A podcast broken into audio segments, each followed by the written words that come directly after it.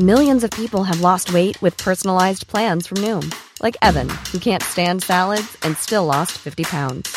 Salads, generally, for most people, are the easy button, right? For me, that wasn't an option. I never really was a salad guy. That's just not who I am. But Noom worked for me. Get your personalized plan today at Noom.com.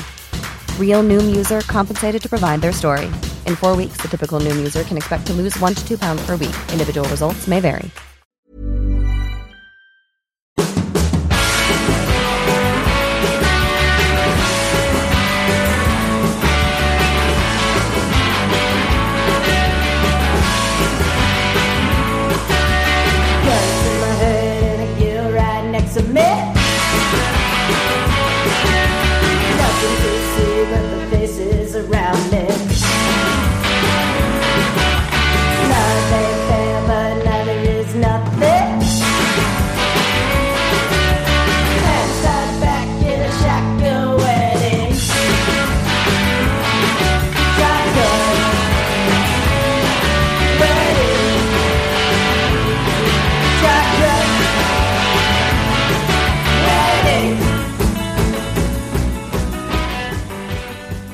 Hej och välkomna till Indiepodden nummer 77. Idag ska vi snacka upp GMR Grand Prix på Indianapolis Motor Speedways Road Course och vi ska prata lite annan Indycar-kuriosa. Intressant Ronny Larsson, Miles och Anna Andersson. Hur, hur mår ni? Men det är bra ser du, Jakob.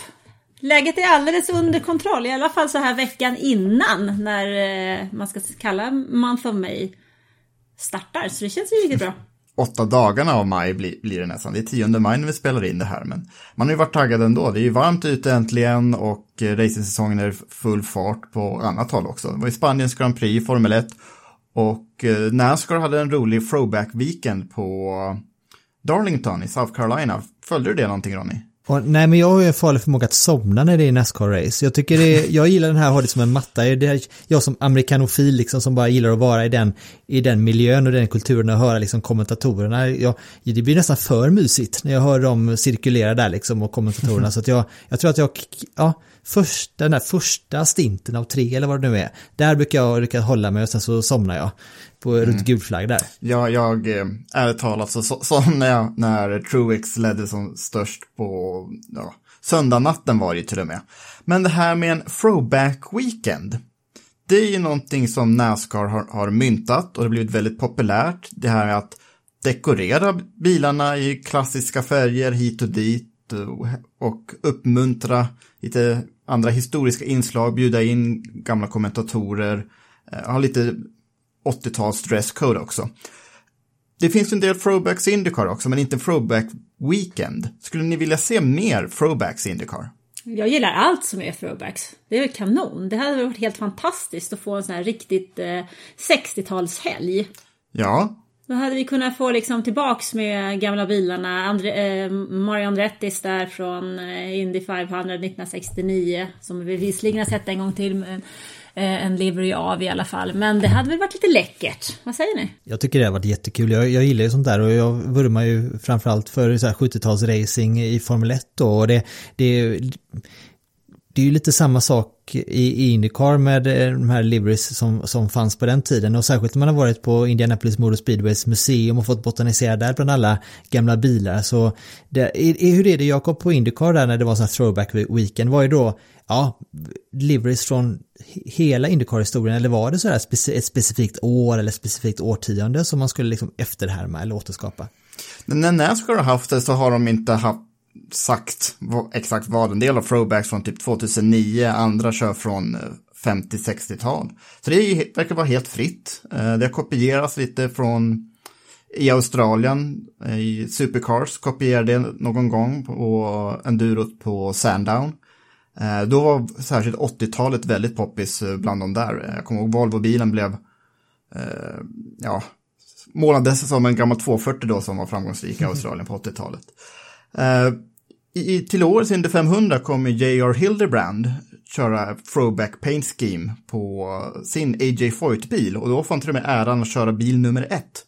För den målas som eh, Foyts bil gjordes, eh, hur A.J. Foyts bil såg ut när han vann Indy 500 1961. Då hade han nummer ett på bilen som regerande Indycar-mästare och vann sitt första Indy 500 med nummer ett också.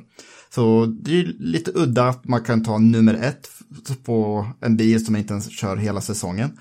Eh, men det verkar ju finnas engagemang i den här idén. Men jag skulle vilja se en koncentrerad helg och då tycker jag den här GMR Grand Prix på den mest historiska marken, men inte kanske det mest historiska loppet.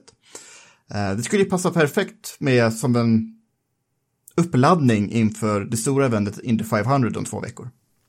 Har du några favoriter från Indycar-historien, alltså några utseenden på, på bilarna som, som är favoriter hos er? Jag vet ju, Anna, du nämnde 60-talet där till exempel. Ja men den gillar jag, den eh, bilen som eh, Marion Retti hade där 69. Och sen gillar jag ju eh, Kenny Brecks eh, Pioneer-bil, den eh, blå, vit, röda. Den känns lite extra för det var liksom en, en, eh, en bil som, i alla fall för mig, tog han Indycar in i mitt vardagsrum i början av 2000-talet. Så den, den gillar jag skarpt. Mm, jag tyckte också det var riktigt häftigt när den dök upp. Det var en förbättring från Shell-bilen som man körde i kart och, och par, par år innan. Alltså, jag har frågat er om det här, här eh, utanför sändning, men jag har inte kommit på någon själv. Kanske eh, STP-bilen som Gordon Johncock vann Indy 500 med 1982. Ljusblå och röd. Påminner väldigt mycket om Richard Pettys Nascar-bil. Bara det här klassiska STP blåröda tycker jag passar vilken racerbil som helst väldigt bra. Lite läckert. Verkligen. Jag har en favorit som jag, just för att jag har fått se den i verkligheten också, det är ju eh, Al Unsers eh, Johnny Lighting, bil nummer ett från 1971. Den är alltså, precis som Kennys bil, blå i grunden, men den hade alltså gula blixtar då från fronten och som leder ut på sidorna eh, med, och, som, och de är, de här blixtarna är outlinade med, med rött, röd, tunn röd linje då. Det är en sån här riktigt klassisk ving, eh, vingfri bil då. Och de- den är ju den är ju väldigt klassisk. Vi kanske ska lägga upp de här, våra favoriter, på vår Ja, Instagram. men tänk, Jo. tänk det, du kan väl lägga upp dem där Jakob och sen så tycker jag väl att eh, lyssnarna kan få lägga upp eh, sina i kommentarerna nedanför så kan vi se, för vi har ju säkert missat någon. Ja, vi har missat hundratal. Ja men det har vi, jo men vi kanske har missat någon som är så här grym, som man inte liksom haft eh, koll på att man egentligen borde tycka jätte- jättemycket om. Så det hade varit lite kul där med lite engagemang tycker jag. det ska vi komma ihåg, absolut. Kanske kan ha en omröstning i stories kanske, man får eh, rösta mellan... Kanske kan få försöka hitta den, den coolaste livryn i Indycar-historien. Låter som en mycket, mycket bra veckoaktivitet nu. Eh, för ja, vi släpper det här tisdag som vanligt och vi har ju ett lopp i, i helgen. Indianapolis Motor Speedways Road Course GMR Grand Prix. På lördag redan. På lördag redan, så träning på fredag. Vi kan gå igenom bara lite fakta om den här banan, om det här loppet. Indianapolis Motor Speedway som bekant byggdes då 1909, men roadcourse-banan invigdes först år 2000 och huvudaktiviteten då var ju Formel 1 som körde där till och med 2007 och sen MotoGP och sen första Indycar-loppet på roadcoursen var så sent som 2014. Eh, banan är 3924 meter lång, 14 kurvor. Eh, Det kommer bli ett ganska långt lopp ändå, 85 varv. Det blir ju lite drygt 33 mil, vilket är ju trots allt ett par mil längre än vilket Formel 1-lopp som helst. Eh, varvrekordet har Will Power från 2017, 1.07.7044. Eh, förra året körde de på ungefär 1.09 i kvalet, så de, eh, de, tiderna från 2017 kanske kan knäckas, men eh, det behöver, behövs vara perfekta förhållanden för att förarna ska ha en chans att rå på det. Fem av nio gånger som man har kört här har Polestitten vunnit, så det kvalet här kommer bli väldigt viktigt. Sämsta startplats någon har vunnit från var, var från åttonde, Simon Pagenaud, när det regnade 2019. Eh, säkerhetsspel dock är relativt sällsynta. Eh, tre gånger har loppet avflyttat utan att säkerhetsspela alls. Under, under förra året så körde vi tre lopp på den här banan och det blev bara en enda säkerhetsbil på de tre. Så kanske inte den bana som inbjuder till mest drama. Och det du sa där om att eh, eh Simon Pagenaud har vunnit på den här banan då eh, från, vilken plats var det du sa? Åttonde. Åttonde, alltså. Det här är ju en Penske-bana då, för det, alla gånger förutom en så har Penske-bilar vunnit här. Och det loppet som en Penske inte vann, det var ju Scott Dixon då, för ett år sedan. Så det är inte en bana där det sker, sker stora skrällar riktigt. Och det kan man ju se i Formel 1 mot GP också. Schumacher vann här fem gånger Formel 1 och sen vann Häkkinen, Barrichello och Hamilton varsitt lopp. I MotoGP likaså liksom de stora favoriterna från eran när de var här.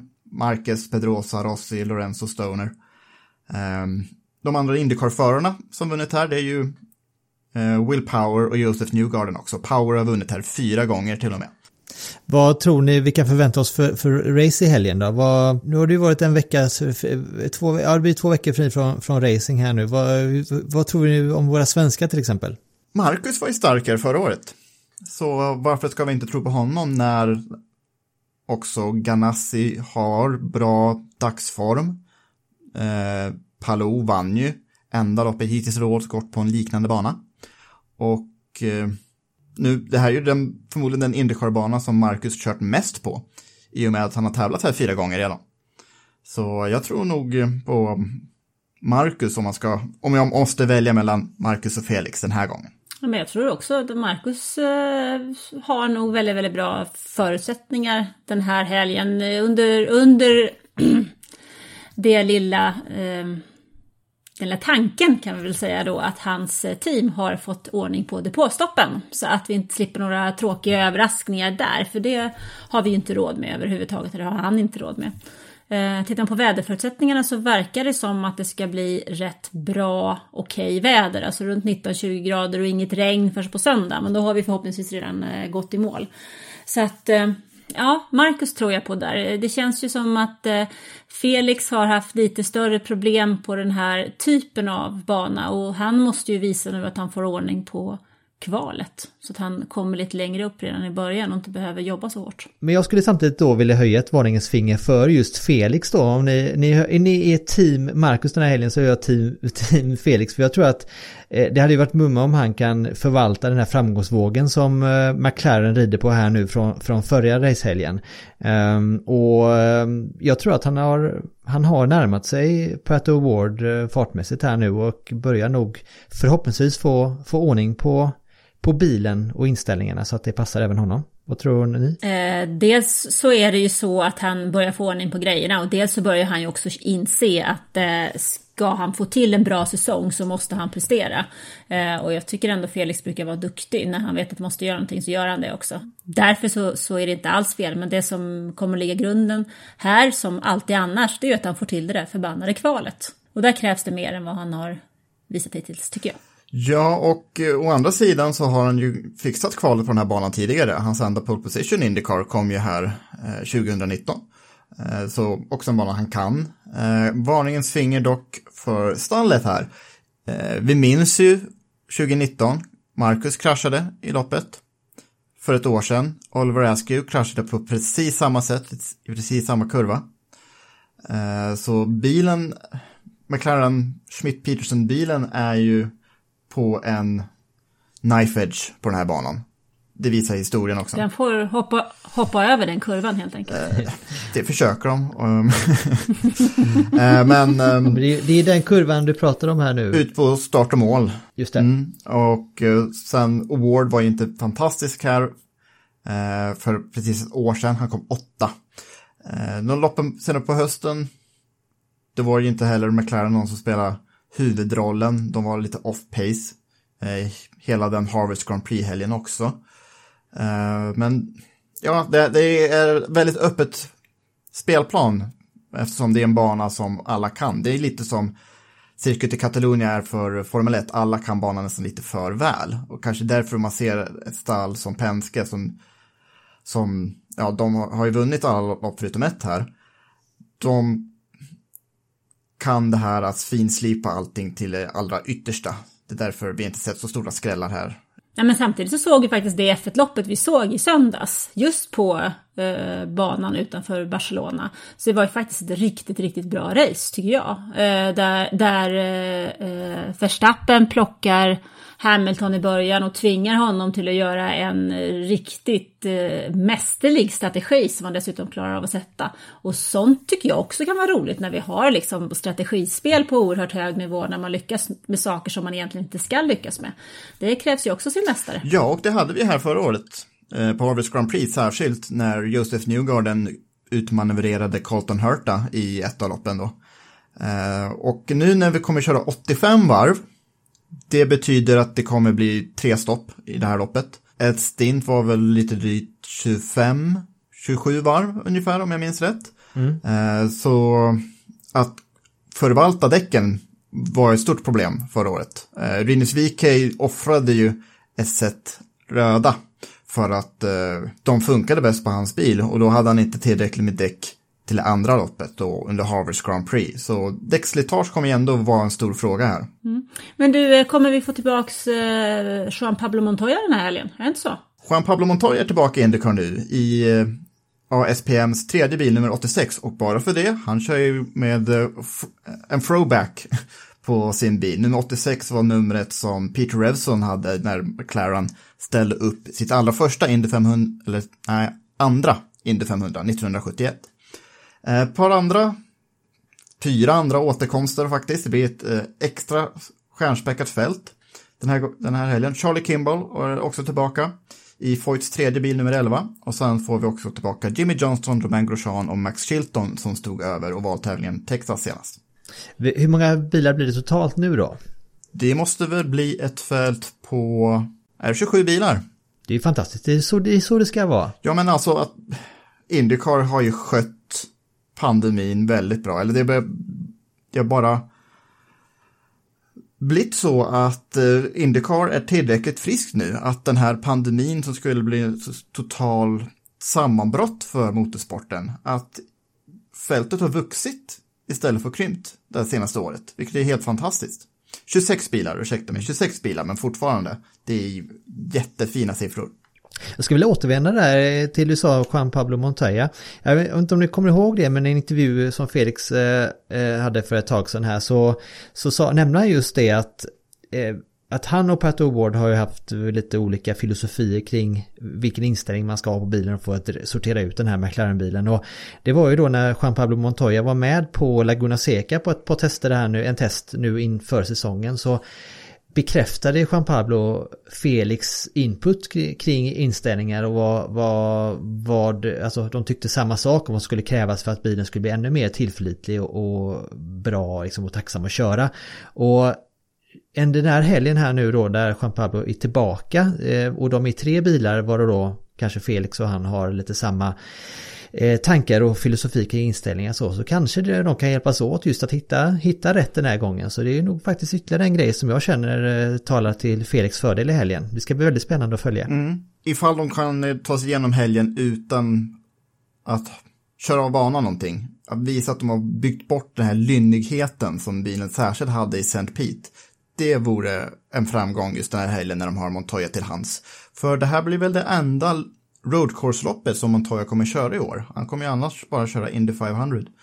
Så det här, här liksom, det gäller för resten av säsongen om man ska använda Montoya på ett bra sätt. För sen har vi ju bara Gateway kvar i, i ovalväg. Medan eh, på Indycar-kalendern så har vi ett antal mer eh, road courses och stadsbanor än ovaler numera. Så vi gnällt lite på tidigare. Men så är det, så förhoppningsvis så blir det ett riktigt breakthrough den här helgen. Millions of people have lost weight with personalized plans from Noom, like Evan, who can't stand salads and still lost 50 pounds. Salads, generally, for most people, are the easy button, right? For me, that wasn't an option. I never really was a salad guy. That's just not who I am. But Noom worked for me. Get your personalized plan today at Noom.com. Real Noom user compensated to provide their story. In four weeks, the typical Noom user can expect to lose one to two pounds per week. Individual results may vary. Ready to pop the question? The jewelers at BlueNile.com have got sparkle down to a science with beautiful lab grown diamonds worthy of your most brilliant moments. Their lab grown diamonds are independently graded and guaranteed identical to natural diamonds, and they're ready to ship to your door. Go to BlueNile.com and use promo code LISTEN to get $50 off your purchase of $500 or more. That's code LISTEN at BlueNile.com for $50 off. BlueNile.com code LISTEN.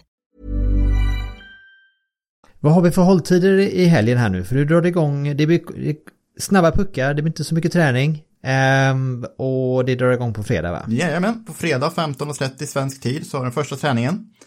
Eh, andra träningen går 19.00, sen kvalet redan fredag kväll 22.30 svensk tid. Eh, Warm-up 16.45 på lördag och sen drar loppet igång 20.30.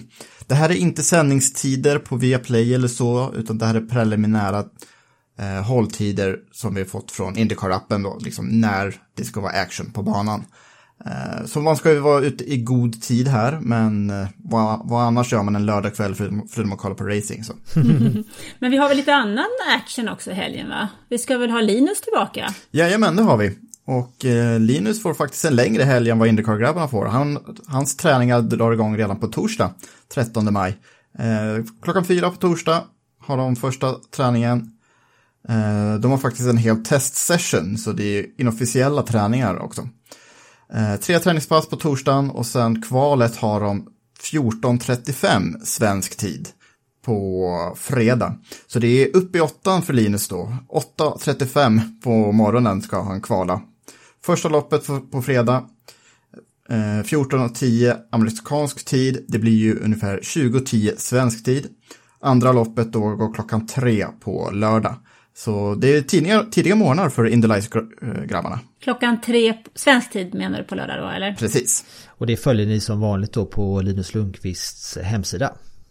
Men vi har ju även eh, Viktor Andersson igång i farten också i helgen eh, i eh, Formel 4 i, USA. De kör på Road America den här helgen. Och så har vi såklart också Rasmus Lind i, farten igen i IMSA Prototype Challenge. De kommer köra på Mid Ohio i helgen. Så ja, det blir, det blir många att följa. Mm. Och det är som, vi tänkte vi täcker in allt detta på vår Facebook. Där kommer ni kunna följa alla resultat och sådär också som, som vanligt.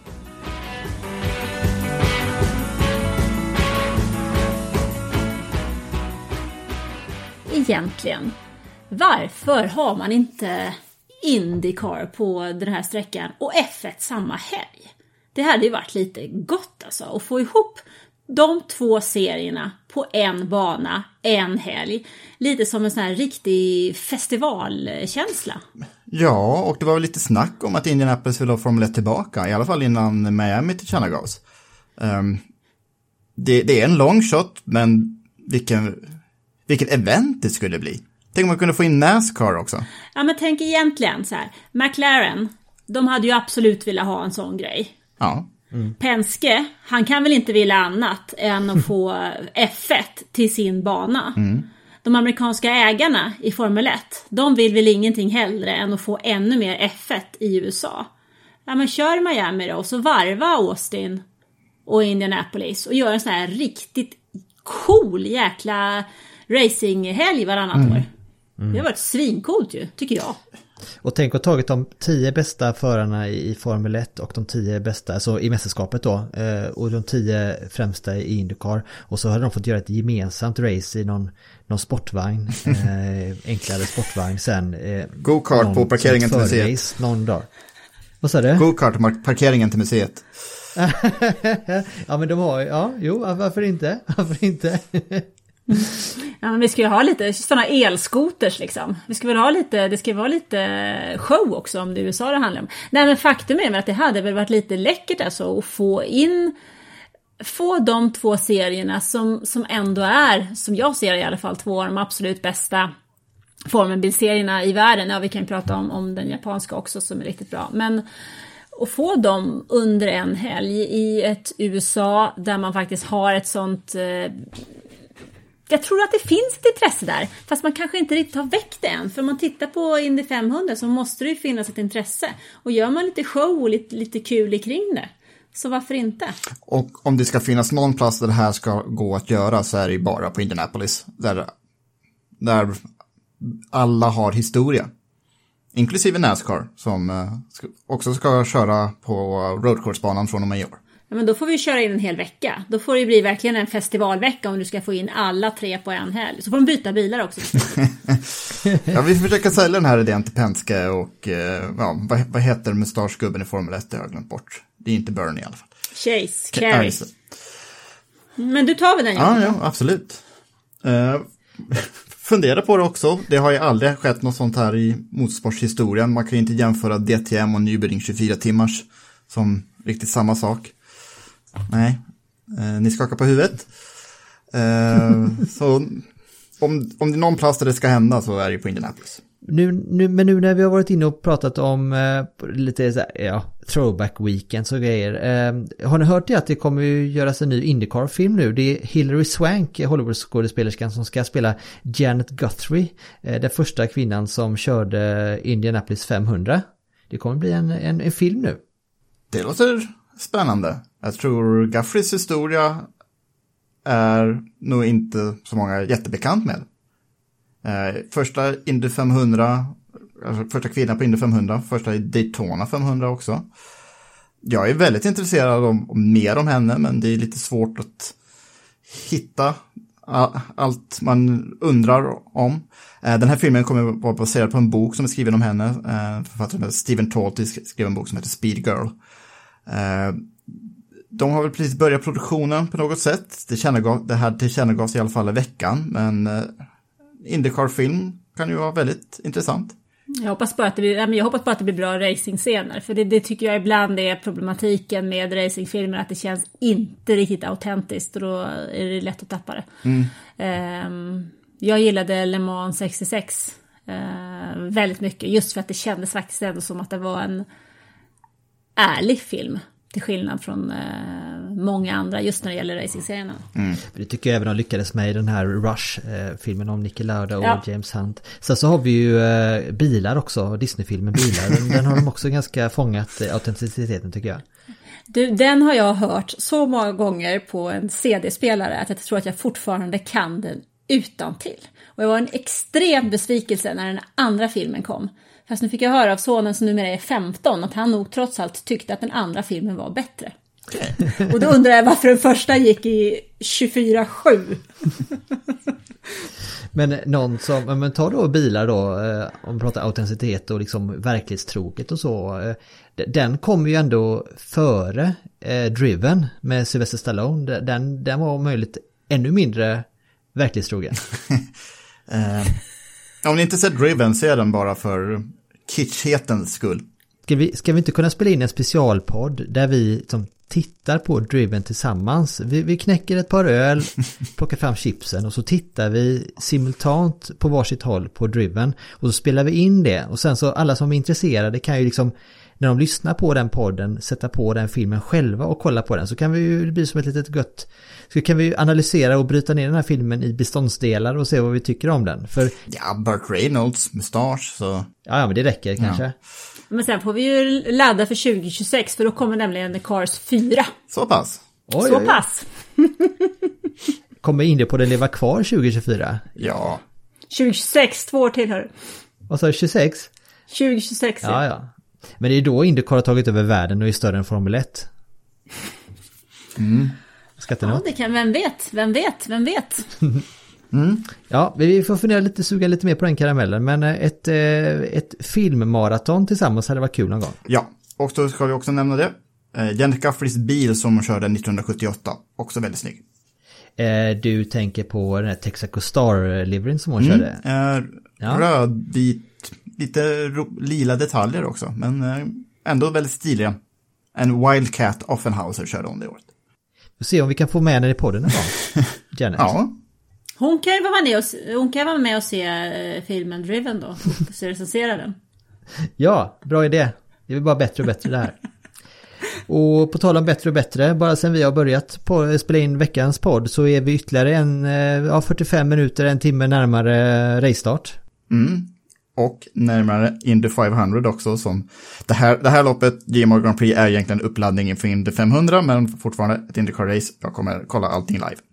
Och som sagt, vi har laddat upp fullt här nu inför Indy 500 så att eh, nästa vecka så kommer det inte komma bara ett utan två avsnitt. Vi kommer ju snacka ner eh, GMR Grand Prix och resultatet därifrån eh, på tisdagen och sen på torsdagen så får ni redan då eh, inför Indy 500, vårt inför Indy 500 avsnitt där. För att träningarna börjar ju egentligen bara ett par dagar efter GMR Grand Prix. Ja, det kommer börja på tisdag, så nu är det mest, eh, ja nästa tisdag alltså. Nu är det den mest intensiva delen av Indycar-säsongen också den, min favoritdel på hela året. Det är julafton alltså? Ja, i en, en hel månad, hela maj månad. Ja, det, det är väl härligt. Det är som kalender uppe hemma, sitter och öppnar. Tack till våra samarbetspartners Automotorsport och TicoRacingShop.com och glöm inte att ni alltid har 20% rabatt i webbshoppen på stefanjohansson.art när ni anger rabattkoden Indiepodden. Eh, tack till våra lyssnare också och eh, så hörs vi igen nästa vecka när vi snackar ner GMR Grand Prix. Ha det bra! Ha det bra, hejdå! Tack själv Ronny, ha det!